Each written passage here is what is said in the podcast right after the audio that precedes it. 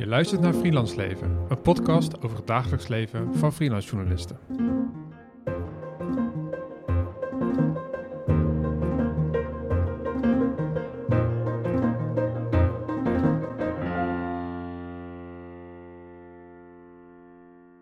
Ja, leuk dat je luistert. Uh, Erwin en ik uh, zijn naar uh, Korte Hoef afgereisd, waar we nu aan de keukentafel zitten van Karel van den Berg. Leuk dat je ons wil ontvangen. Ja, hartelijk welkom.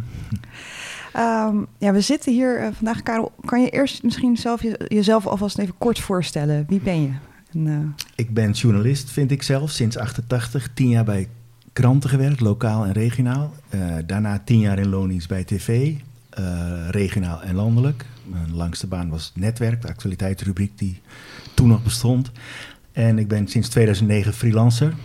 En ik ben een beetje gerold in een expertise over creativiteit, die ik eerst voor eigen doel wilde inzetten en toen een boek heb geschreven. En door het boek uh, over creativiteit ben ik gevraagd voor workshops en dat soort dingen. Dus het grootste deel van mijn freelance praktijk bestaat nu uit trainingen in journalistieke creativiteit met name, maar ook advies en coaching van individuele journalisten. En het is zo gegroeid. Uh, en ik heb vaak gezegd, als ik dit plan had moeten schrijven, had ik niet kunnen bedenken. Maar het, is, uh, het was een goed plan geweest, want het bevalt me heel goed. Tof. Ja. Ja, en uh, de, de, reden dat we hier zitten is omdat ik, ik door mijn promotieonderzoek natuurlijk in aanraking kom met heel veel wetenschappelijk onderzoek over freelancers.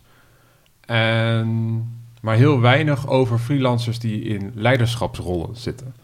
Uh, en daar gaan, gaan jouw trainingen ook, uh, ook over. Hoe geef je leiderschap en hoe zorg je voor creativiteit in een organisatie? En wat mij opviel in al het onderzoek was dat, dat de freelancer in onderzoek is vaak iemand die alleen op afstand uh, allerlei journalistiek werk doet. dat journalistiek werk dan aanlevert bij een redactie. En de redactie vindt er wat van gepubliceerd en dan krijgt de freelancer betaald. Nou, dan weten we door alle afleveringen die we tot nu toe hebben gemaakt... dat het freelance leven veel ingewikkelder is dan dat, heel vaak. Ja. Um, maar wat ik dus niet kon vinden, uh, behalve op alle vacatures op de website bijvoorbeeld van de NVJ, hè, van een freelance hoofdredacteur, freelance eindredacteur, freelance samensteller, noem maar op, wat voor functies er allemaal zijn. Er is geen onderzoek, wat ik kon vinden, naar hoe is het om als freelancer leiding te moeten geven, ook vaak aan andere freelancers. Want dat is natuurlijk een hele andere dynamiek dan wanneer iemand in dienst is en mensen aanstuurt, een soort vast team die in dienst is. En dat is eigenlijk een beetje uh, waarom we hier naartoe zijn gekomen. Hè? Het thema uh, van, van het gesprek. En ja, ik vroeg me af van, van als je dit zo hoort, vind je dat dan herkenbaar? Uh, ja, maar er is, er is eigenlijk niet iets heel algemeens over te zeggen. Het mooie van wat ik nu doe is dat ik in al die journalistieke keukens kijk. Dat, dat is woest interessant. ook omdat ik daardoor bij mijn vak kan blijven, bij de journalistiek. En wat je ziet is en dat is vaak al tekenend. Uh, er zijn redacties. Ik praat wel altijd een beetje met mail in mijn mond, want ik beloof overal vertrouwelijkheid. Ja, maar snap ik. Neem van mij aan dat het een vrij brede range is. Ik vind het altijd heel tekenend als ik een opdracht krijg om een hele redactie in groepen te trainen. Als daar de freelancers bij zitten, en met name de freelance leidinggevende, dan vind ik dat altijd een heel goed teken. Want het betekent dat ze weliswaar arbeidsrechtelijk freelancer zijn, maar journalistiek super betrokken en eigenlijk kun je zeggen geïntegreerd in een cultuur en in een idee van waar het medium voor staat, welke waarden het medium uh, vertegenwoordigt, journalistiek gezien, wat, wat het, de bijdrage is van die redactie aan de journalistieke pluriformiteit in het land. En um, ik heb daar ook geen wetenschap bij, maar als ik zo uit mijn hoofd naga wie ik heb getraind, dan denk ik dat ietsje meer dan de helft van de redacties zegt: we doen alleen de vaste mensen. En dat is tekenend, want hmm. dan, dan blijven die, in mijn beleving, in die cultuur, de freelancers, uh, buitenbeentjes of ja. uh, laag overvliegen. En dat lijkt me uh, ontzettend jammer voor freelance makers, hè, schrijvers, tv-makers, podcastmakers of wat je tegenwoordig allemaal kunt maken tegenwoordig een oude mannenwoord, realiseer ik me nu. uh, maar um, uh, dat is nog indringender vervelend als je zelfs niet dat in dat DNA van zo'n redactie, van zo'n journalistiek merk of journalistieke waarden zitten. Dus uh, ik pleit er eigenlijk altijd wel voor om te zeggen, joh, neem die freelancer nou mee. Uh, want dan betrek je ze erbij. En dat is kwalitatief eh, handig. En zie je het nou niet als een kostenpost, maar als een waardevermeerdering van de kwaliteit van je redactie. Daar is, daar is wel verschil in. Ja. Ja. En, en mijn expertise, nou, als voor zover ik expertise heb, ik heb namens de VVOJ, de Vereniging van Onderzoeksjournalisten, en de NVA Academy drie jaar een, eh, een programma gecoördineerd voor leiding geven aan journalistiek onderzoek. En daar zaten wel wat freelancers bij. Er zaten wat mensen bij die het graag zouden willen worden. En er zaten mensen in loondienst bij. En dan in zo'n groep merk je niet zoveel verschil. Maar ik heb wel eens een paar keer eh, wat jaloersige op, uh, opmerking of vraag gehad in de richting van die anderen. En niet dat die andere dat verweten kon worden, maar goh, ja, ik zou ook wel een vaste baan of uh, kennelijk in die. Mijn indruk is dat in die laag mensen graag een vaste baan, nog liever een vaste baan zouden willen hebben dan veel makers die het wel die het prettig vinden om voor verschillende opdrachtgevers te werken en dat vast te houden. Ja. Ik zit even na te denken. Uh, ik denk dan terug aan mijn eerste eindredactiepositie. Dat is waar ik Erwin ook uh, eigenlijk uh, wat beter van ken als eindredacteur bij het AD. Ja. daar zaten inderdaad ook echt wel wat mensen tussen die volgens mij heel erg aan het azen waren op een vaste aanstelling. Voor mij persoonlijk was het vooral heel prettig dat het een afgebakende functie was. Dus je hebt een heel duidelijke uur. Ja. Je hebt dat je aanwezig moet zijn. Je hebt een duidelijke deadline en daarna kan je weg. En is eigenlijk alles wat uh, je als eindredacteur van een krant doet, is op, nou, als, na de deadline is, is gewoon klaar. Ja. En dan kan je de dag daarna gewoon weer voor een andere opdrachtgever aan het werk gaan. Zonder dat er nog ruis is. Terwijl als je bezig bent met een artikel voor een krant, uh, je soms nog dagenlang gebeld kan worden door bronnen die nog iets toe te voegen hebben. Ja. En die je eigenlijk allemaal ook nog wil destilleren in zo'n artikel. Um, en dan is het veel moeilijker om, zeker als beginnende journalist, ook nog je, je grenzen ja. aan te leren geven. Uh, ik ben dus eigenlijk zelf al vrij jong, uh, of tenminste jong, ja, ik ben niet rond mijn 25ste, 24ste, uh, eindredactie werk gaan doen. Puur omdat ik dacht, ja, volgens mij ben je gek als je het niet doet. maar achteraf denk ik ook, ja, ik heb ook, je merkt ook wel dat niet iedereen dat heel prettig vindt op een redactie. Zeker de vaste mensen die daar al heel lang in dienst zijn en gewend zijn dat ze gewoon een stukje over de schutting kunnen gooien en dan dat dat op een of andere manier wel goed geregeld wordt. Ja. En als je dan als jonkie een beetje een, uh, uh, ja, daarin durft te gaan lopen hakken, dan wordt dat niet altijd nee. door iedereen met ja, evenveel hartigheid, hartelijkheid ontvangen. Um, heb, en, heb, heb je... en heb je dan, ik heb een vraag aan jou, want Mhm. dat is verhelderd, denk ik. En heb je dan, was je leeftijd het probleem of het feit dat je, nou maar, maar dat je freelancer was en niet echt in die club? Ik denk Zo. dat het beiden een probleem was. Want Ja. ik merkte dat ook inderdaad uh, oudere freelance eindredacteuren die al jaren daar uh, aanwezig waren en um, dat werk deden, dat die ook vaak een beetje gedownplayed werden in mijn Oh ja. ogen. um, ik kan me ook afvragen of het te maken heeft met uh, het feit dat ik dan ook nog eens een vrouw ben. Dat ik het idee heb dat sommige vrouwelijke eindredacteuren al helemaal minder serieus werden genomen. Ja. Um, en dan heb ik ook nog eens een kleurtje. Ik weet niet of dat helpt. Maar ik denk dat het allemaal niet per se heel veel helpt met de autoriteit die je uitstraalt. En dan ben ik ook nog eens uh, redelijk conflictvermijdend. Dus ik ben ook al wel, oh ja. zeker in mijn beginperiode, was ik heel ja. gauw geneigd om dan te zeggen: Oh ja, als je dat woord dan liever zo hebt, dan ga ik wel kijken hoe ik hem anders in kan korten. Terwijl dat eigenlijk helemaal, het was eigenlijk hartstikke prima wat ik deed. En dat is ook een leerproces natuurlijk, om ja. wat voor stijl um, ja, leiderschap dan bij je past in principe. Ticking all the boxes. Ja, dat ja. idee. Ja, dat, dat sluit ik niet uit. Ik heb het idee dat de man-vrouw verhouding vrij snel verbetert. Um, en ik ben voor emancipatie, maar in mijn training zeg ik altijd... Uh, wat, je, wat ik van emancipatie vind, doet er niet zo toe. Uh, journalistiek gezien is een monocultuur heel slecht voor de kwaliteit van de redactie. Mm. Want je wilt al die perspectieven erop hebben. Dus ja, je kunt wel over het allochtone deel van de samenleving, als dat nog zo heet, of, hè, de, of over het deel van de samenleving. Mensen met een, met een biculturele achtergrond. Ja, of met een, in ieder geval met een andere familiegeschiedenis dan, dan, die, dan die traditionele redactie. Ja, daar kun je wel over berichten, maar je wilt er ook tussen staan. Dus je wilt vertegenwoordigers van die. Uh, van al die, alles waar je over bericht eigenlijk op je redactie hebben. Maar creatief gezien wil je van iedereen ideeën hebben. Um, het, dat is één. Het tweede is, ik denk dat de status van eindredacteur of de betekenis van eindredactie bij omroep en bij geschreven pers ietsje anders is. Mm -hmm. uh, en jij zit gewoon aan hun stukken. Dat is, Mhm. dat is, eh, bij, kranten heb ik het idee dat het eh, meer aan de achterkant gebeurt. Je levert iets in en dan gaat iemand zich met je stuk bemoeien. Bij tv in de traditionele vorm, hè, die, al, die nog wel bestaat, maar dat wordt natuurlijk allemaal anders. Daar is een eindredacteur in het ideale geval iemand die zich van meet af aan eh, als klankbord opstelt voor een maker. Dus eh, oké, wie heb je, wat, waar ga je naartoe, welke scènes hebben we, wat ga je draaien, welke vragen zijn, vinden wij belangrijk. Ja. Niet om het voor te schrijven, maar als klankbord. En ik denk dat dat makkelijker is eh, om, je, om, om serieus genomen te Zeker, worden. Hè, als ja. jij bij, laten we maar één vandaag noemen, hè, eh, eh, als jij bij één vandaag eindredacteur zou zijn, dan kun je echt vooraf al zeggen: oké, Ja. dit vinden wij een onderwerp, dat vinden wij een invalshoek. Eh, laten we sparren hoe dat gaat. Eh is ook een beetje een ideaalbeeld, want daar hebben ze niet altijd de tijd voor.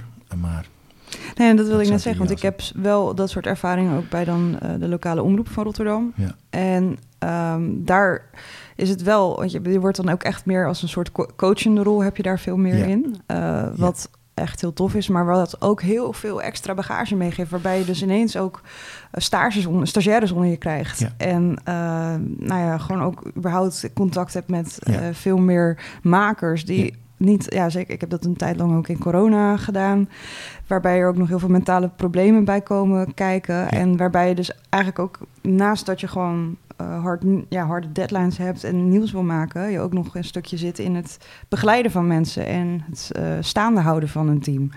Dat Ja. zijn eh, dat zijn best andere- pittige dingen, zeker als dat. ja, zeker. Ja, en dat laat je ook niet zomaar los. Zoals je het, zeg maar, zo als eindredacteur van een krant, dat je gewoon die deadlines hebt en dan Precies. weg kan gaan. Ja. Je komt ineens echt, bent echt aan het met mensen in aanraking gekomen die je echt ook buiten je uren een soort van nog om Nou eigenlijk klap ik niet uit school voor de, de redacties die Mhm. ik train, maar laat ik dat dan bij uitzondering voor Open Rotterdam doen. Ik heb jullie een dag Ja, getraind. ik heb mij ook een keer getraind en Ja, daarvoor dacht en- ik, en, een eh, keer aan gaan schuiven. Ik wil het ook één gezegd hebben waar Mhm. de hoofdredacteur Celeste niet bij is. Want ik heb het van de week een keer gezegd waar ze bij was en dat is het altijd verdacht.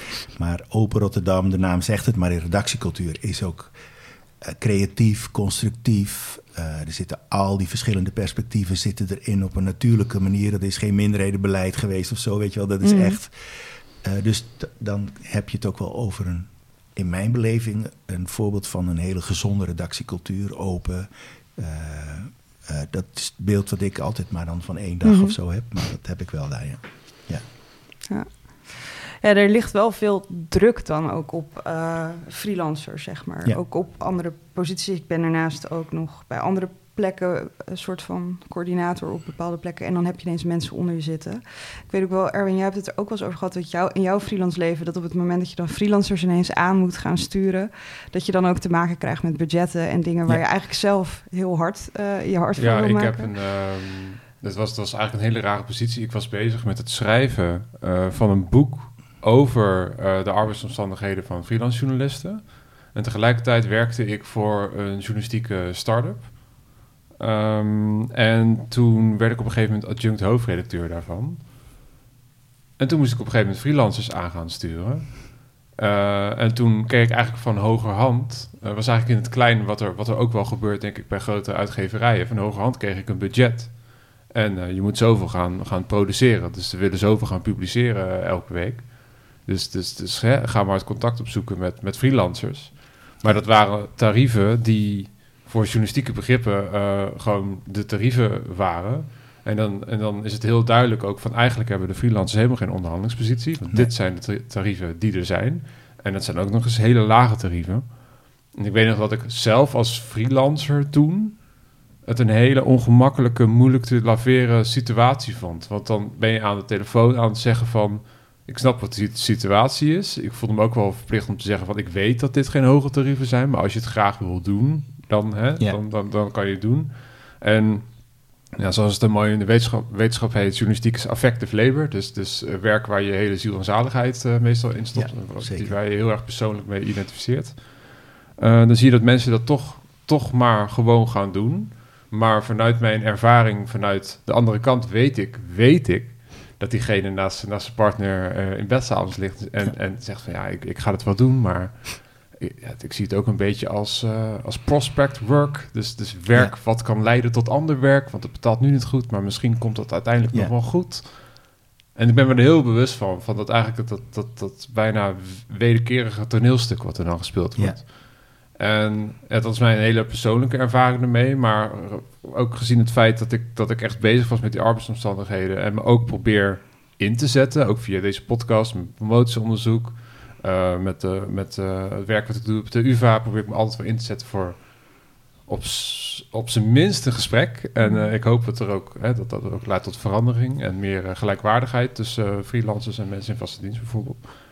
Um, vond ik dat een, ja, een ingewikkelde positie om te laveren. En dat is nog heel zwak uitgedrukt. Ja.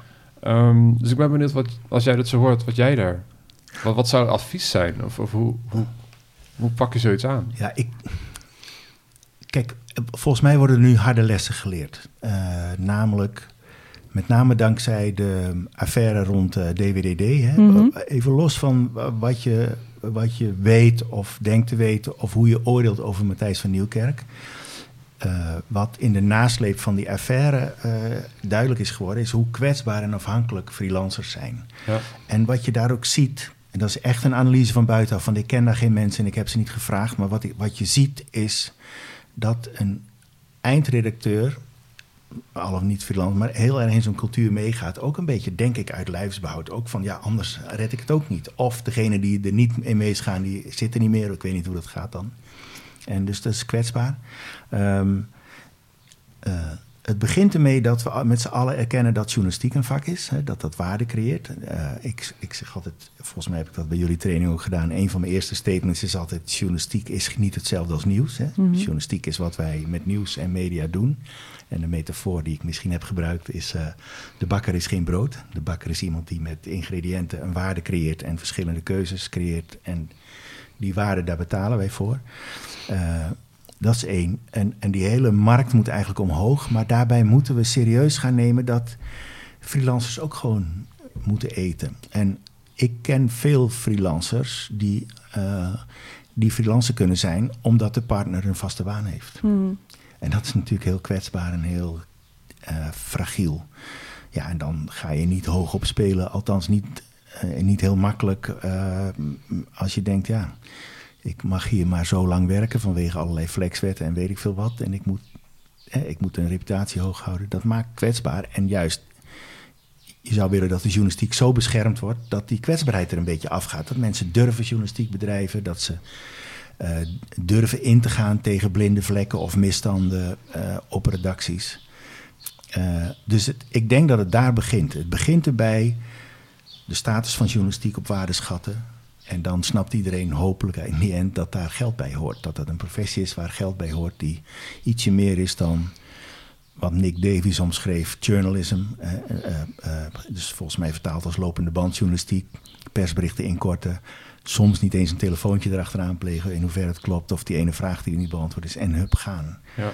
En um, dat is één. Het tweede is uh, je maakt freelancers kwetsbaar en al helemaal freelancers in leidinggevende positie. Uh, als je ze laat merken dat ze eigenlijk niet precies weten, en dat, ik zeg dat niet voor niks, dat ze eigenlijk niet precies weten of begrijpen waar, wat, waar deze redactie voor staat. Hè. Ik noem maar even willekeurige voorbeelden. Dat is niet zo, hè, want Even de Vos is een supergoeie chef redactie. En de Groene weet vrij goed wat ze zijn en, en waarom en wie ze zijn, is mijn indruk. Maar stel even dat de groene dat niet heeft. Dat je zegt, ja, je, je moet, dit is niet voor de groene. Oh nee, waarom nu niet? En dan geen tekst hebben. Dus ja. je moet ook een sterk basisidee hebben. Uh, dat doe ik ook altijd in, in uh, trainingen. Uh, hebben we het daar ook over merkwaarden, journalistieke merkwaarden. Wie zijn wij nou en waarom? En ik heb die les geleerd heel bazaal. toen ik mijn, onder, mijn research deed voor mijn boek over creativiteit toen ben ik bijvoorbeeld bij Man het Hond geweest. Dat bestond toen nog. Was toen nog een succesvol programma, hè? kleine, korte rubrieken. En wat, uh, wat zo goed was bij Man het Hond, die werkte met freelancers en met stagiairs. En wat zo goed daar was, die konden kraakhelder uitleggen wat Man het Hond was. Waardoor stagiairs zelfs binnen drie weken wisten, dat is een goed idee voor Man het Hond. Op basis van kwaliteiten en karaktertrekken van dat programma. Waardoor die stagiairs ook binnen drie weken mee functioneren als volwaardige mensen, uh, volwaardige redactieleden en uh, hun waarde gingen toevoegen. En um, dat is volgens mij ook wat kwetsbaar maakt soms. Natuurlijk heb wij drie hier hebben een beeld. Dat is de NOS, dat is Nieuwsuur, dat is mm. Volkskrant, dat is de Groene, dat is het Reformatorisch Dagblad. Mm. Dat weten wij. Maar um, breng het maar zonder woorden. En, en, en schraag nou een chef die een redactie bij het Nederlands Dagblad moet leiden. Of bij NRC of bij de Volkskrant.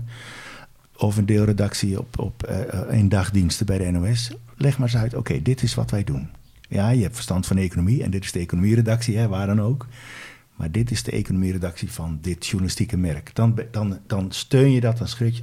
En ik heb het idee dat er journalistieke eisen worden gesteld en dat er een huiver is om dat arbeidsrechtelijk, gewoon plat financieel, uh, ook te versterken. Want dat helpt je ook, denk ik. En uh, die mensen doen dat allemaal niet voor niks. En het is heel raar dat een beroepsgroep die, uh, die zo essentieel is en volgens mij maatschappelijk zijn waarde alleen maar meer aan het bewijzen is, dat die zo financieel ondergewaardeerd wordt. Daar zijn wij niet zieliger in al helemaal niet dan verpleegkundigen, hmm. dan onderwijzers, dan wat. Maar laten we het dan ook toch dit ook financieel serieus nemen. En, uh... Ja, dat sluit heel erg aan bij uh, het werk van Nicole Cohen. Die heeft uh, veel onderzoek gedaan naar de arbeidsomstandigheden, Canadese onderzoekster. Hmm. onderzoek gedaan naar de arbeidsomstandigheden van freelance journalisten in Canada en de Verenigde Staten. En een van haar conclusies die eigenlijk dit hele verhaal samenvat, is dat ze zegt altijd van journalism has a precarity penalty. En het is omdat veel individuen, ook al zijn ze in dienst, want je kan natuurlijk je baan verliezen, omdat er veel precariteit is. En dat is dus niet alleen uh, precariteit in de zin van financiën, maar ook uh, onzekerheid over de toekomst. Dat daardoor de journalistiek als een geheel aan kwaliteit ja. in te leven.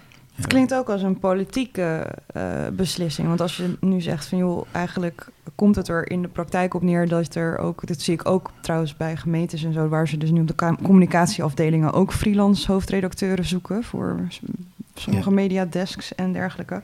Maar um, dat er dus eigenlijk vanuit wordt gegaan dat je dus als freelancer in een organisatie kan stappen en leiding kan geven, zonder dat er inderdaad ook heel duidelijk is wat de identiteit is van uh, het merk waarbij je werkt, of, of de omroep. Uh, ik blijf het ook nog lastig vinden om uh, publieke omroepen echt een merk te noemen, omdat het dan weer echt heel erg voelt alsof je iets van winst moet gaan maken. Nee, het gaat. Ik, maar, ja, ik noem het altijd een, een journalistieke merk. Ja. Dus ik, ik, ik, ik, ben ook, ik weet dat alle journalisten die ik ken Bars zijn voor commercie. Ja, die, die, als je zegt we gaan een journalistieke pitch doen, dan krijgen ze al vage uitklachten. Want denken ze, oh god, commercie en we gaan iets marketingachtigs doen. En dat is helemaal niet waar. Ik, wil, ik ben journalistiek aan het praten. Maar een journalistiek merk is, dat vertaal ik altijd als... wat is jouw bijdrage aan het pluriforme landschap in Nederland? En puur journalistiek. Uh, en bij de ene is dat wij zijn brutaal en bij de andere is dat wij zijn uh, intelligent. Bij weer een ander is we zijn snel en weer een ander is... Uh, nou ja, dat kan van alles zijn. Maar wat onderscheid je en wat voeg je toe aan het landschap? Want dat is uh, de meerwaarde van een, een vrije markt als het gaat om journalistiek. En ik heb geen enkele voorkeur voor commercieel als RTL Nieuws of publiek als NOS... omdat ik ze alle twee een bijdrage leveren. En ik ben heel blij dat die competitie er is, want dat is, in, dat is een stelsel. En dat is de maatschappelijke waarde. En dat is natuurlijk, dat is denk ik een heel links verhaal, maar laat het dan maar een keer een links verhaal zijn. Um, we zijn veel sectoren met een grote maatschappelijke waarde economisch gaan onderwaarderen. Dat is heel pijnlijk. Dus dus de, de, de klacht die verpleegkundigen hebben en die er nu en, gewoon echt onderbetaald voor, voor wat ze doen. Dat bleek in coronatijd heel pijnlijk allemaal. Uh, het tekort aan leerkrachten. Ja, hmm. ik denk dat je dat onderwijs weer op zijn waarde moet gaan schatten. Uh, als kwaliteit en toevoeging aan de samenleving. En daar hoort een financiële waardering bij. En ik denk dat iets vergelijkbaars met journalistiek aan de hand zou moeten zijn.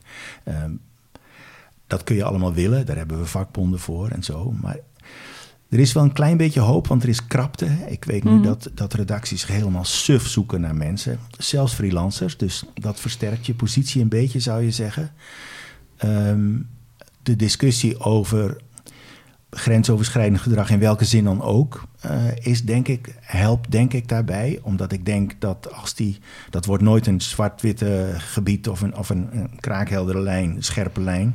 Maar de discussie maakt de grens toch iets helderder waar dat kan. En ik denk, als het waar is van Matthijs van Nieuwkerk, en ik geloof dat dat waar is, dat die mensen heeft staan uitkafferen. Ja, ik denk dat het goed is dat een chef voortaan denkt, nou, daar moet ik mee opletten. dat ga, moet ik niet maar zo mee doen. Hè. Je ziet het nu bij een minister die, die daar mee te kampen heeft. En ik denk dat dat misschien ook freelance journalisten, freelance leidinggevenden ietsje meer uit hun schulp kan helpen. Van oké, ze weten nu dat ze niet meer wegkomen. Misschien durf ik wat meer te zeggen. En uh, ik hoop dat met die krapte ook die onderhandelingspositie weer wat beter wordt en dat mensen dat snappen. Uh, en niet, uh, kijk, ik ben, als je wist hoe vaak ik niet ben gevraagd, ja, we hebben geen geld, maar het staat chic op je LinkedIn-profiel. Daar ben ik in het begin ook in gestonken. En nu denk ik, ja, als je mij wilt hebben, ja, dan, ja, je doet ook andere dingen met geld. Dat is een keuze die jij maakt. Dus ik ben geen harde onderhandelaar, helemaal niet. Ik, ik ben helemaal geen zakenman of zo. Maar ja, gratis betekent ook meestal dat het niet zo waardevol wordt ervaren. Dus... Uh, ik, uh... Ja, terwijl, terwijl, er, terwijl er, en dat, dat geldt voor veel journalisten, in jouw geval zitten heel veel investeringen in. Hmm. Ja. Uh, een aantal opleidingen gedaan over creativiteit en leiderschap, een boek geschreven erover. Hoe heet het boek? Voor de We denken eens wat nieuws, maar het is niet meer te koop. Oh. maar voor wie dat wil, stuur ik een pdf. Oké, ik dacht, ik, ik plug hem mee. ja, ja. Um, maar er zit heel veel investering in. Ja. een expertise die niet, die niet iedereen zomaar heeft. Nee. En ja, dat, dat, ik vind dat ook wel, ook wel belangrijk om te blijven benoemen in de podcast. Dat je, dat je als freelancer ook wel je eigen waarde weet. Van, van nou, dit is, dit is wat ik te brengen heb. Dus dat is ook wel wat waard. Ja, nou, maar dat is... In de trainingswereld gaat het nog wel. Ik heb helemaal niet zo te klagen over mijn tarieven. Ik heb helemaal niet te klagen over mijn tarieven eigenlijk. Het, het gaat eigenlijk wel goed. Uh, dat gaat niet met veel onderhandeling gepaard. En dat wordt ook wel gezien als een diepte-investering. Maar dat is echt wel iets fundamenteel anders dan wanneer ik uh, bij een vandaag reportage zou komen maken of bij een krant stukken zou komen schrijven. Mhm. die, die vind ik echt wel ondergewaardeerd. En het is al zo lang aan de gang. En het is al zo lang um, dat uitgeverijen en omroepen bezig zijn. Uh, de veiligheid van de losse contracten. Want in Hilversum, dus in die zin is het wel een mhm. politieke beslissing bij de publieke omroep afgezien van NOS Journaal en Nieuwsuur en Eén Vandaag, denk ik. Maar er is eigenlijk geen, geen programma veilig. Uh, er is geen programma dat zeker is uh, dat ze volgend jaar nog in het schema staan. En ik ken die gevechten. Ik heb bij, bij verschillende omroepen ook redacties getraind en zo. Waar altijd maar, ja, we gaan trainen en natuurlijk en mooi en denk mee over formats. Of laat ons denken over formats. We weten alleen niet of we, wanneer we in het schema staan. Uh, en, en of we blijven bestaan dat maakt heel erg kwetsbaar ook. Dus het zou goed zijn om daar, uh, als de NPO zou zeggen.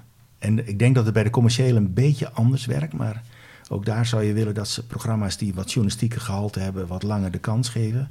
Maar bij de NPO zou je toch willen hebben dat, oké, we tuigen een redactie op. Die kunnen we ook voor vijf jaar werk garanderen. Mhm. Ik noem altijd, de wereld draait door, toevallig nu weer het voorbeeld. Kijk eens naar de eerste paar afleveringen van De Wereld Ja, dat was echt treurig. Dat was om te huilen. en de VARA toen nog uh, heeft het gewoon de kans gegeven... en het is tot het succes kunnen uitgroeien wat het later is geworden. Ja. Dus een merk moet ook, laat me gewoon weer een journalistiek merk noemen... moet ook de kans krijgen om gezag te winnen, om status te winnen... om bekendheid te winnen, zodat je in gesprek komt met, met je publiek... zodat je in gesprek komt met bronnen. En dat, is, dat zijn allemaal kleine vliegwieltjes die op gang moeten komen om het tot een succes te kunnen maken. En dat zou ook veel zekerheid geven, denk ik, voor uh, de mensen die er werken. Of het nou loondienst is of niet. Maar in het huidige gewricht, niemand krijgt bijna nog een vaste baan bij de mm. omroep. Het zijn allemaal freelancers. Ja, tijdelijke contracten. Ja. ja. en dat mag dan maar drie jaar. Of ik weet niet hoe het nu is, maar ik geloof drie nog steeds. En dan, ja, dan, en dan komen er rare constructies. Dan moet je er een half jaar uit of zo. En dan, en dan mag je weer in. Ja, ja. ja dat is... Uh, dat is precair. Dat... Heel precair. En uh, niet alleen arbeidsrechtelijk heel naar voor de mensen die dat aangaan, maar ook, ik denk, journalistiek niet zo best voor de kwaliteit. Dat is mijn veronderstelling. Ja, ja. En je creëert heel veel onveiligheid Ja. eromheen, waardoor je dus eigenlijk nog veel meer ruis hebt die Ja. niet geïnvesteerd wordt in het, stukje Ja. waarheidsvinden, controle, eigenlijk al die andere dingen Ja. waar je in mee bezig wil Ja, en je creëert ook, ehm, dat, dat, dat is dan even, dat, dat denk ik nu, eh, als je dan iemand in een leiderschapspositie zet, hè, dat, dan heeft hij eigenlijk maar heel, hij of zij, eh, Mhm. maar heel korte tijd om iets neer te zetten, Ja. om nieuw werk eh, Ja. te produceren. En Ja. dan zie je dus eigenlijk dat het, en dat, dat, dat zie ik wel, wel, wel terug in, in, in de meeste literatuur, dat het product wordt belangrijker dan de mensen die het product maken, Hmm. Ja. omdat je elkaar onder druk gaat zetten. Ja. En, En het product- levert meer voor. Wordt in de beleving belangrijker, maar het gevaar zit erin. En dat is niet alleen maar gevaar, dat, ik denk dat het ook gebeurt. Dat je verkeerde criteria bij het welslagen van het product gaat stellen. Ja. Ik, heb het niet nagetrokken. Ik, ik kan me nog de eerste uitzending herinneren van De Wereld Door. Maar ik kan me ook voorstellen dat die kijkcijfers helemaal niet goed waren. En dus als je kijkcijfers dominant maakt Mhm. en je wilt heel snel scoren en bekend worden... dan ga je op de rel zitten, dan ga je op, eh, op het scoren in kwantitatieve zin zitten. Terwijl je wilt een journalistieke cultuur in een land hebben die en pluriform is... maar die ook voldoende diepgang overhoudt... die ook voldoende massa overhoudt om onderzoek te doen... om dat goed uit te venten. En, eh, eh, dus ja, ik, ja, als je er zo langer over nadenkt... dan is eigenlijk het onderbelonen van freelancers... is slecht voor de kwaliteit van een journalistiek bestel in een land Ja. als geheel. Ja, ja. En ook inderdaad snelle, snelle resultaten, hè, kijkcijfers. Eh, Ja. Ik heb een tijdje geleden een paper gelezen... wat echt complete grond gelijk, gelijk maakte met... eh, wat, wat oogballen zeggen over hoe iemand omgaat met Ja. journalistiek. Dus hebben ze bijvoorbeeld mensen geobserveerd die, die eh, ge- eh, nieuwsverhalen gingen lezen. Ja. En juist de meest geïnformeerde mensen, ehm, die lazen het, ja, hadden de kortste leestijd, omdat ze heel veel al wisten, bijvoorbeeld over een conflict ergens. Oh ja. En het, nou, dit weet ik al, dit weet ik al, dat heb ik al gevolgd. Oh, dit is nieuw, oké, klaar. Ja, En juist de mensen die juist heel weinig geïnformeerd waren, die lieten dan, zetten het aan en lieten vaak bijvoorbeeld een tab gewoon openstaan. Dan gingen ze iets anders doen. Of die zetten tien tabs open en dan, nou, eentje ervan ga ik lezen. Ja. En dit was maar één van de talloze voorbeelden in het paper, waarvan eigenlijk, ja, het was natuurlijk heel wetenschappelijk en mooi genuanceerd opgeschreven. Maar eigenlijk was het in, was het, was het in, in godsnaam, hou op met dat, hè, dat, dat marketingachtige denken over wat een succesvol journalistiek product is. En kijk gewoon hoe mensen daadwerkelijk omgaan met journalistiek. Ja. Zeker als het gaat over eh, overheidsgeld, waar journalistiek van gemaakt wordt. ja, en dat is nog wel een hoopvolle ehm, ontwikkeling, denk ik. Eh, ik ben met de, voor de koepel van regionale omroepen eh, zit ik in een project dat gaat over data geïnformeerd werken. En mijn betoog is altijd, eh, je moet data niet inzetten om het, numer, het, het kwantitatieve succes te vergroten, om te kijken hoe je je bereik kunt Mhm. verbreden en verdiepen met dezelfde journalistieke taak die je hebt. Ja. En de data die online beschikbaar zijn en te meten zijn, die kunnen daarvoor zorgen. Dat is wel anders dan eh, waar ik mee ben opgegroeid. Ik, eh, sinds 1999 werkte ik bij de omroep in, in eh, Hilversum, bij Netwerk. En gaandeweg gingen kijkcijfers domineren in, De Wat- succesmeting. in, als succes. ja. En ehm, eh, met dat, dat is geen trauma, maar toch die vervelende ervaring. Ik dacht, ja, soms. En, maar er werd ook slim op geprogrammeerd. Er was ook vakmanschap. Dus als we iets ingewikkelds hadden, eh, of iets waar, zonder hoge aanvangsbelangstelling. eh, bijvoorbeeld Afrika. In Vlaanderen is Afrika dankzij het Vlaams koloniaal verleden staat, st- zit meer in de belangstelling. Bij ons was dat Indonesië. En als wij naar Afrika, dat scoorde gewoon niet. Dat wisten wij gewoon, hè, dat Mhm. Afrika. Maar we vonden het onze journalistieke taak, want daar gebeurden dingen en dat vonden wij. Nou, en dan proberen we met slim programmeren door iets, een echte eye-catcher ervoor en erachter te zetten. En dan, eh, mensen zepten nog niet zo snel in, in Mm. begin deze eeuw. Dus dan sleurde je mensen door zo'n uitzending heen. Dan kregen ze toch wat, wat wij vonden dat ze moesten weten over Afrika mee. Ik noem even Afrika, maar het kan Brussel zijn, het kan van alles Mm. zijn. Ehm, en ehm, nu kunnen we echt heel gericht kijken eh, online. Wie ziet wat, hoe lang, wat consumeert die. In ieder geval, er kan een tab open blijven staan hè, om die vergelijking maar te blijven houden. Maar je ziet ook de interactie veel beter en zo. En als dat ingezet wordt op wat is goede journalistiek, ja, dan vind ik dat wel een hoopvolle ontwikkeling. Maar ehm, eh, met in mijn hoofd dat gedoe met die kijkcijfers die steeds dominanter werden. En ik denk dat het nooit zo uitgesproken is, maar ik denk dat ook in mijn hoofd zat. Eh, dat onderwerp scoort niet, dus dat moeten we misschien maar niet doen. In plaats van te denken, dat is een belangrijk onderwerp, hoe zorgen we dat mensen dat willen weten? Dat is een veel zinnige journalistieke vraag. Uh, heb ik een, uh, een man gesproken, die heet Jaap Peters. Die is een van de, met Mathieu Weggeman, een van de grote denkers van het Rijnlandse denken. En het Rijnlands denken is een managementmodel, een organisatiemodel, wat mij uit het hart gegrepen is. Mijn korte samenvatting is altijd uh, van het Rijnlands denken. Je huurt vakmensen in, ga die dan niet voor de voeten lopen. ga die dan, dat is echt het simpelste. Dus je huurt een journalist in, uh, je wilt waarheidsvinding, ga dan niet voor de voeten lopen met zijn waarheidsvinding en zorg dat hij dat werk goed kan doen, of hij of zij. En uh, nou, dat is een mooie manier van denken. Zijn ik kan je wel boeken meegeven of tippen. Een van de boeken heet, die is fantastisch, Intensieve Menshouderij. Dus dat gaat erom hoe wij mensen in een soort productieeenheid omvormen. Mm. Hij, hij haat ook de term human resources. Hij zegt, zo mm -hmm. human, mensen zijn geen bronnen. Mensen zijn vakmensen en het loopt, nou ja. ja. En hij, zijn claim is, en die van Mathieu Weggeman ook, wat echt een hele grappige voordenker is. Als je, ik raad iedereen aan om Mathieu Weggeman een keer op YouTube in te toetsen. En elke spreekbeurt is ontluisterend herkenbaar en bijna cabaret, zo goed. Uh, en hun claim is: alles wat je kwantificeert gaat ten koste van kwaliteit. En de metafoor daarbij is de tomaat. Hè. We hebben ooit uh, alle meetbare resultaten bij het kweken van tomaten optimaal gemaakt.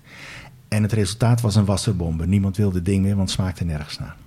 En uh, um, dus ik zeg nu ook altijd op redacties: het is en-en denken als jij zegt ik ga naar Gaza en ik bel mijn moeder op wat daar aan de hand is, dat is geen journalistiek te noemen, want dat is luistercijfer 1. Mm-hmm. Daar doe je het niet voor, ook al is het nog zo. Dus je wilt kijken hoe je met dat ingewikkelde Gaza-verhaal, een slepend conflict, uitzichtloos, eindeloos, zo lijkt het in de beleving van iedereen, ingewikkeld, uh, Hamas en nog een paar Palestijnse fracties en Israël, het allemaal ingewikkeld. maar dat, dat is een journalistieke taak waarvan ik vind dat je die moet uitvoeren als, als je jezelf serieus neemt en een buitenlandrubriek hebt of zo. En dan zorg je, en dan ga je kijken, en daar komt dat datadenken, dat kwalitatieve wordt bij. Hoe gaan we zorgen dat zoveel mensen dat willen weten en hun oordeel daarop kunnen bepalen met feiten. En ik denk als we dat voor elkaar krijgen, maar dan moet je dus helder hebben. Wat voegen wij toe als wij naar Gaza gaan aan Hè, ik ben nu even mijn eigen, of wij zijn even de redactie, die is net mm -hmm. opgericht. Wat gaan wij toevoegen aan wat NRC daar doet, wat de NOS daar doet, Nieuwsuur en zo. En dan moet je dat helder hebben. En dan kunnen wij, zodra de budget is, freelancers invliegen en zeggen: Dit is ons idee, dit is onze merkwaarde, dit is wat wij toevoegen dit aan de, de smaak die we, waar wij ja, op uh, Smaak, doelen. DNA, Ja. onze ambities, onze kwaliteiten. Dat heet op elke redactie waar ik werk een beetje anders. Dan weet ik zeker, want dat heb ik bij Man met Hond geleerd, dat zo'n eindredacteur veel sneller dat op een kwalitatieve manier kan aansturen en veel sneller nieuwe freelancers of nieuwe Ja. arbeidskrachten kan Ja, ja het aansturen. is, het vind het een heel mooi antwoord op een, een tendens in de literatuur. Als je kijkt eh, naar literatuur over de politieke economie van journalistiek werk, dan is toch wel vaak de one-liner die ik lees, is dat eh, alle verantwoordelijkheid voor journalistieke producties is overgeheveld van instituten of eh, organisaties naar individuen. En als je ook kijkt naar specifiek onderzoek naar buiten, freelance buitenlandcorrespondenten, dan zeggen die van ja, ik sta eigenlijk altijd aan, want ik moet met de verhalen komen. Dus ik moet de hele tijd op zoek naar Mhm. verhalen en zoeken. Dus al dat, dat werk, waar Ja. ze ook niet voor betaald krijgen overigens, Nee. dat ligt dan bij de freelancer. En in, in dit model is het veel duidelijker voor de freelancer wat er Ja, van diegene verwacht wordt. Dus dat Ja. werk wordt uit handen genomen Ja. om...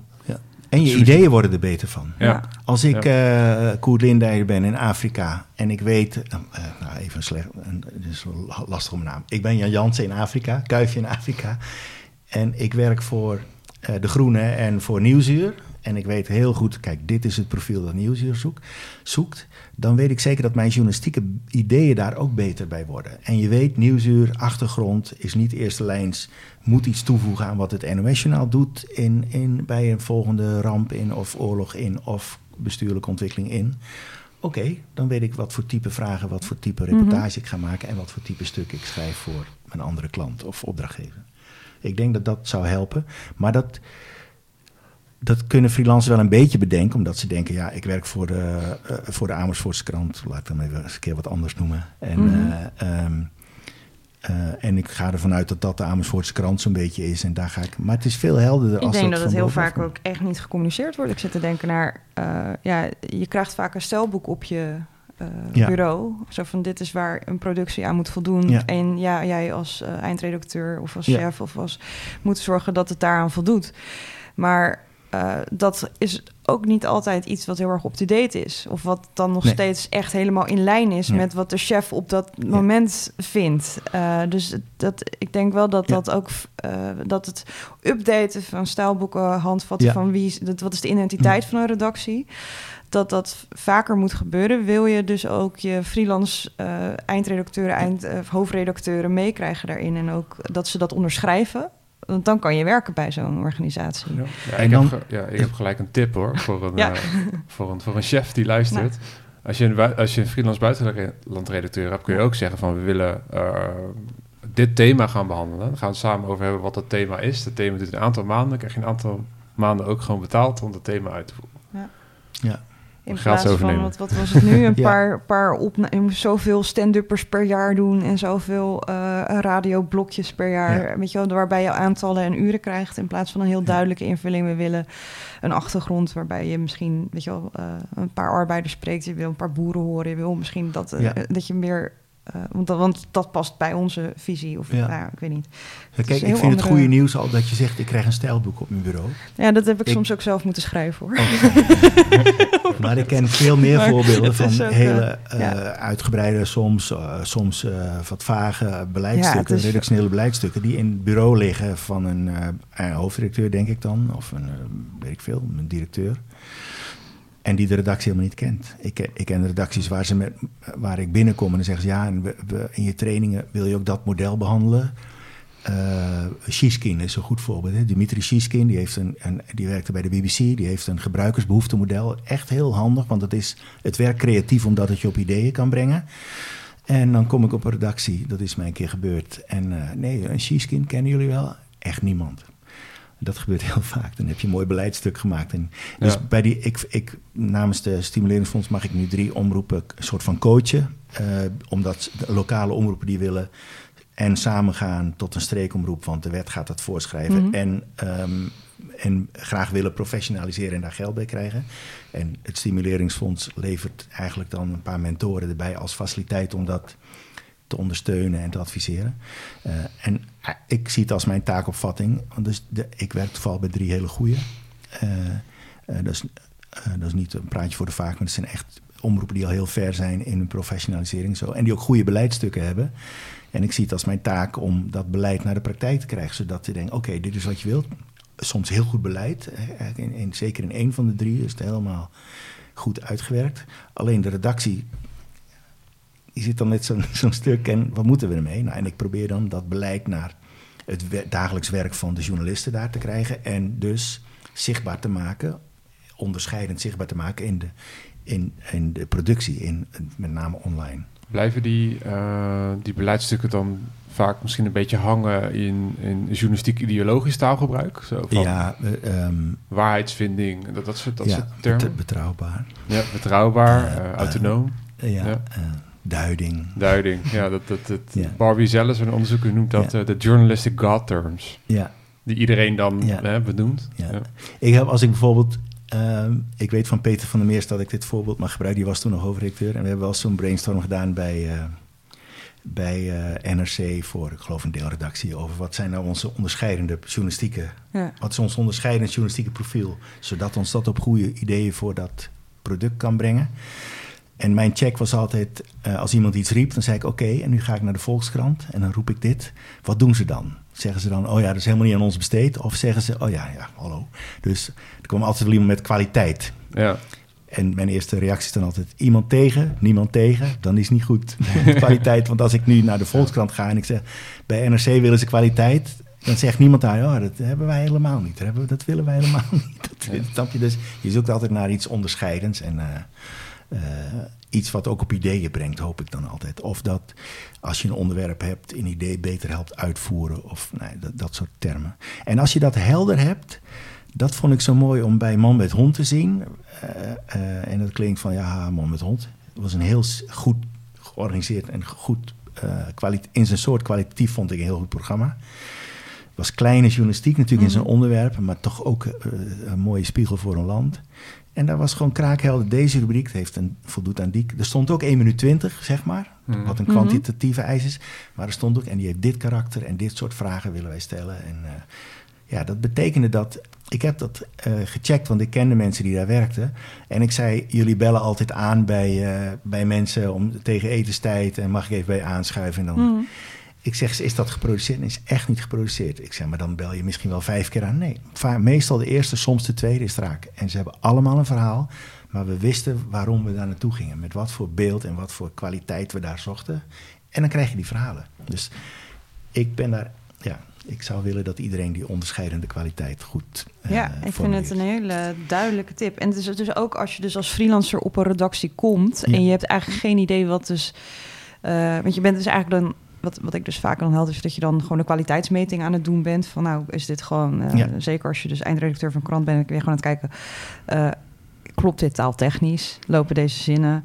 Het moet ingekort worden op allemaal verschillende manieren, omdat je verschillende advertentievormen hebt. Um, nou ja, dan let je daarop. Je checkt soms nog even, hé, er zit hier eigenlijk maar, één, eigenlijk maar één bron in. Weet je wel, moet daar niet nog wat bij? Ja, nee, daar is eigenlijk te laat voor. De deadline is zo. Oké, kan je dus niks meer aan doen.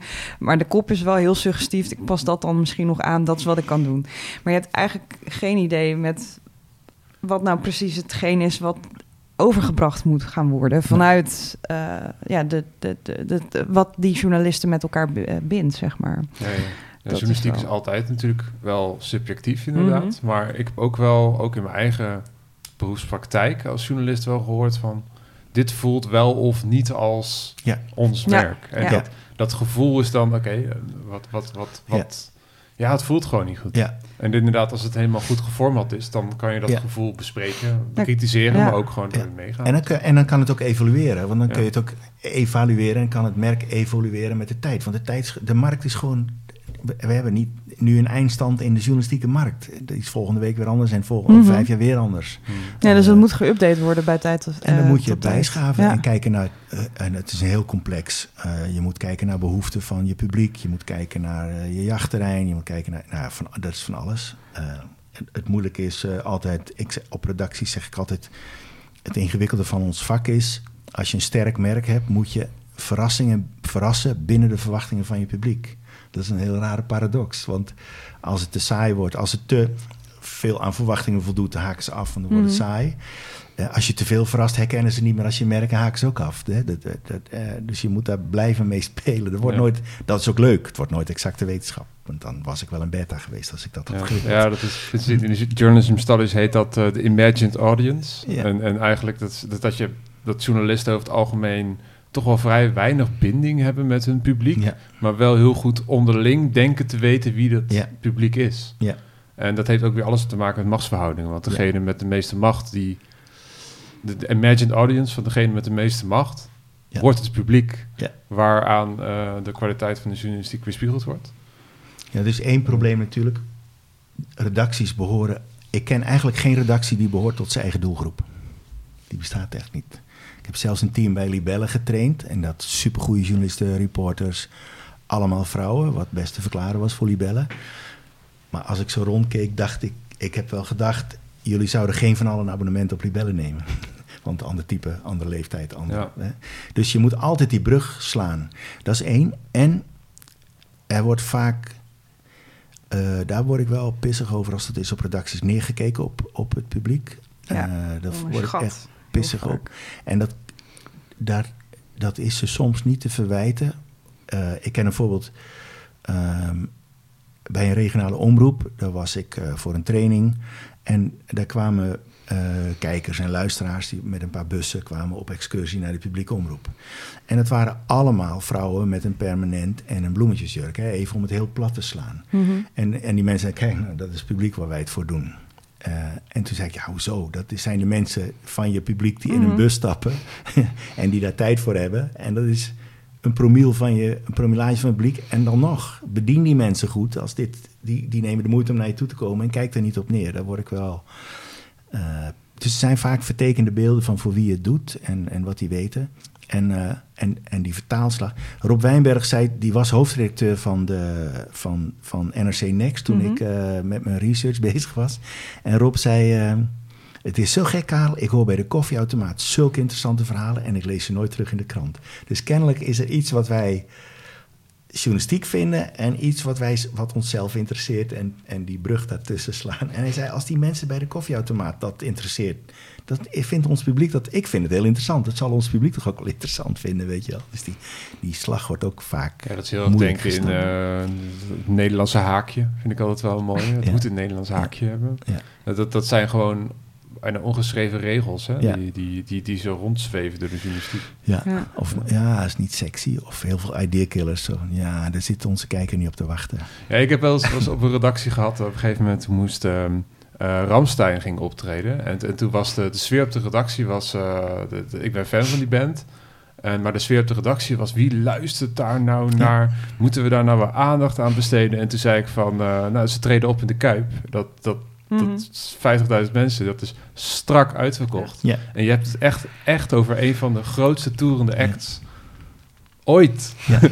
en, dan, en dan is het toch van, ja, nou, ik weet niet of onze luisteraar...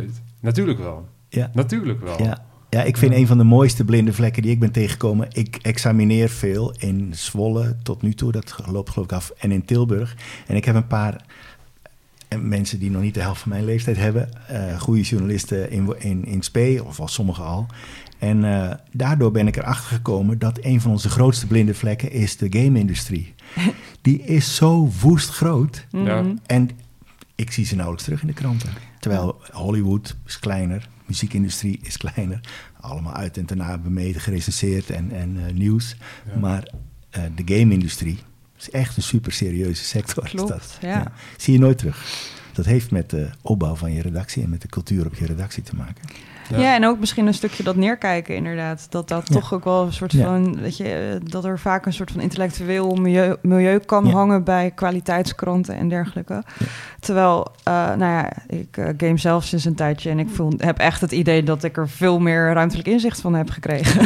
dat is echt zoiets van, wauw, dit is echt, dit is echt heel tof. Ja, maar dat, dat, dat vind ik al een beetje het, het, het, functioneel maken ervan. Ja, dat, dat ook, maar het, en het is gewoon super vermakelijk. Dat is het natuurlijk ook. Het is een, uh, en sociaal. En nee. een serieuze economische sector. Ja. Klopt. En wij, en wij, controleren als journalisten of redacties met deelredacties economie zoveel journalistieke sectoren. En ik over de game-industrie, ik lees er niet of nauwelijks iets over in ja, de gerenommeerde... De media die ik gebruik. Ja, ja. Uh, de, de, kranten en, en tv. Ja, er zouden ook heel veel problemen zijn in de game-industrie. Van uh, mensen die crunchwerk moeten doen. Dus heel hard moeten werken voor heel weinig om een uh, spel uit te krijgen ik heb veel interessante onderwerpen voorbij zien, en invalshoeken voorbij zien komen over de game-industrie. Dankzij jonge mensen die ik examineer. Ja. maar niet op het... ja, voor de luisteraar, als je een journalist wil uh, googlen die daar veel van af weet, is het uh, Jason Schreier. Oh, dat ken ik niet. En uh, die heeft een aantal boeken ook geschreven over ja. game development. En vooral over, vanuit het perspectief van de mensen die het werk gemaakt Mooi.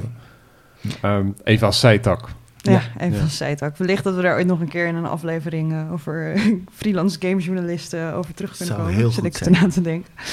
Um, ja, ik wil denk toch wel een beetje gaan afronden. En ik ben toch ook wel een beetje benieuwd naar handvatten van jou. Vanuit wat jij tegenkomt voor mensen die dus als freelancer leiding moeten gaan geven. Um, uh, aan mensen die ze misschien nog helemaal niet kennen. Die misschien langer op een werkplek zitten. Um, wat zijn er dingen die je dan zelf als freelancer zou kunnen doen om uh, ja, dat leidinggeven wat leuker te maken? Uh, leuker. Of, oh, sorry. Leuker, ja, dat is. Um... Of nuttiger. of nuttiger, ja. Ja, dat is misschien wel leuker, ja. uh, ik zou zeggen, wat enorm helpt is als, als een medium, een redactie het niet zelf formuleert, formuleer zelf wat het is en toets mm-hmm. dat aan mm-hmm. een hoofdredacteur of iemand die je de opdracht geeft. Gewoon zeggen: oké, okay, wat zijn goede ideeën? En als ze dat niet weten, uh, zeggen: uh, uh, laten we even nu eens Omroep Gelderland nemen of de Gelderlander. Klopt het dat dit, goede, dat dit jullie merk is en dat dat goede idee is? Want dan kan ik daarop aansturen. En dan laat ze maar komen. En dan zeggen ze ja. En als ze nee zeggen, wat dan wel? Uh, ik denk dat je daar zelf een waarde groeit, want je laat zien dat je je werk heel serieus neemt en die journalistiek en die redactie waarvoor je gaat werken. En ik denk dat je een redactie er kwalitatief beter van maakt. Dat, dat zou mijn eerste tip zijn. En ten tweede uh, zou ik zeggen, uh, schraag mij van bovenaf. Want um, dat, het, het vergt, het is een beetje een voetbal, een bestuur van een profclub ontslaat vrij makkelijk een trainer. Mm -hmm. En ik zou willen dat als het bestuur van een profclub een hoofdredactie is, uh, dat ze de, trainer, de nieuwe trainer die ze voor een team of voor een hele redactie aanstellen, dat ze die steunen. Mm -hmm. En van advies willen dienen. En niet zo van, nou weet je, als jij het nou eens ging uitzoeken en als het dan lukt, ben je mijn succes. En als het mislukt, keeper je eruit. Dat zou heel goed zijn. En dat betekent dat zo'n hoofdredactie of zo'n leiding uh, ook een beetje in de benen moet en ook moet zeggen: kijk, dit vinden wij goede ideeën. En misschien ook met die eindredacteur moet gaan evalueren. Dit is een beetje wat we willen, dit is wat we niet willen. Maar liever nog, dit is wat we willen. Dat is altijd beter dan uh, wat je niet wilt. Ja. En freelance hoofdredacteuren? Kan dat überhaupt nog? Of, uh... dat, ja, ik zou zeggen dat de NOS en de Volkskrant zou dat, en, en dat soort en, en AD, dat zou misschien ingewikkelder zijn. Maar er is zoveel journalistiek en zoveel verschillen, dus er is niet één antwoord. Kijk, bij, bij uh, uh, een omroep die ik nu begeleid, die heet Schie. Ja, die hebben een freelance part-time hoofdredacteur, want dat is het budget. Mm -hmm. Ja, ik heb als functie voorbij zien komen. Ja. Ik dacht, oh, dat Ja. is wel pittig. Ja. Ja. En eh, uh, dus, ja, om dat te zeggen, doe maar geen freelance hoofdredacteur meer. Dan, dan doe ik wat ik niet wil, dat is namelijk de markt verkleinen. dus ik zou zeggen, doe maar wel. Maar dan moet je, en dat gebeurt daar ook, met het bestuur kraakhelder maken. Wel is de koers die we gaan varen. Mm. En daar moet je dan elkaar ook in schragen en in steunen. Ja. Ja, ja, dat is inderdaad als het heel duidelijk is van... oké, okay, ik word freelance hoofdredacteur... Uh, dan wil ik wel heel duidelijk weten wat ik moet communiceren naar andere freelancers. Hm. Uh, ook duidelijk uh, kunnen verantwoorden waarom deze tarieven hier worden gegeven. Dat kan van tevoren mm -hmm. helemaal voor jezelf uh, ja. Uitspreken. Ja. En ook misschien zelfs de ongemakkelijkheid uitspreken. Uh, kijken hoe, of daar misschien... Uh, ja, ik zou dat altijd iets mee te doen. eerlijk zijn en niet zeggen... ja, nou ben ik de baas. En ik heb wel eens een chef gehad die zei... ik kan in mijn positie nu eenmaal niet alleen vrienden maken. Ja, dat is misschien waar, maar... Dat, om daar nou Voelt je, niet lekker als nou begin. je dag, om je nou je dagtaak van te maken om geen vrienden te ja, je kan In elke positie kan je mensen als mensen behandelen hoor. Daarom. Dat, ja, ja, ja dat is het goede van die discussie naar aanleiding van Van Nieuwkerk. Dat ik hoop dat chefs gaan snappen dat wat je baan of positie of functie ook is, dat je wel normaal tegen elkaar kunt doen. dus, uh, ja. ja. Dat zou het al veiliger maken voor freelancers. Zeker in de omroepwereld zou dat heel erg helpen. Als ze zeggen, oké, okay, ik, mag, ik mag tegengas geven, dat wordt verwacht. Ja, dat zou ideaal zijn. Waardevol, denk ik. Uh, goed om. Uh, Heb ik jullie geholpen? Ja, ja, zeker, nou ja, zeker. Ik zeker. heb in ieder geval wel weer wat met Ik denk dat het heel goed is als uh, nou ja, ook gewoon journalisten voor zichzelf, ook voor opdrachtgevers überhaupt als freelancer, heel duidelijk krijgen van wat is nou het DNA van het merk waarvoor je werkt. Ja. Dat is een hele bruikbare tip. En, uh, ja, ja, en misschien is dat ook voor chefs wel, maar voor andere freelancers sowieso. Kijk wat je onderscheidende kwaliteit is. Uh, en ik zie veel freelancers die uit, vanwege dat arbeidsrechtelijke klimaat, zeg maar even, hè, kortlopende contracten en onzekerheid, denk ik moet alles heel goed kunnen. Mm. En, en, het liefst in alle putjes passen. Uh, en ik weet van goede uh, hoofdredacteuren en goede chefs. Ik ga geen namen noemen, want dan denken de anderen dat ik ze niet goed vind. Maar uh, dat ze zeggen, mensen die precies, die precies door de hoepel kunnen springen zoals wij, die vinden we wel, die zijn er wel. Mhm. We zoeken mensen die een onderscheidende kwaliteit hebben. He, bij NRC Next is wel veilig over te praten, want dat was in die beginfase. Daar zochten ze bij uitstek niet de, de, de, de zeg maar, confectiejournalist. Daar zochten ze iemand die goed kon schrijven, fijn, maar die ook nog een boek over de geschiedenis van hip-hop had geschreven. Dat was interessant. Dat was iemand die iets anders wist dan anderen en die daar vanuit die. Dan heb je niet alleen in dat specialisme iets in, maar die kan ook vanuit dat specialisme een ander perspectief op hoe we over voetbal praten, noem maar iets geven. En dat, mm. In een gezonde redactiecultuur heb je dat. Dus ik hoop dat, uh, dat dat. Ik denk eigenlijk en ik hoop dat het ook geldt voor leidinggevenden. Dat zeggen, nou, als je die redactie die kant op wil hebben, dan ben ik je man of vrouw. Dan uh, moet je mij hebben, want ja. onderscheidende kwaliteiten. Ja. goed, fijn. Um, als mensen nou jou gehoord hebben en denken... oh, dat is een uh, leuk vent, daar wil ik wel een keer een, uh, een training bij volgen. Daar wil ik wel een mooie training van hebben. oh ja, dat kan altijd, ja. ja. Uh, heb je nog een website of zo? Mijn website ligt eruit en ik weet niet waarom. Oh, jeetje.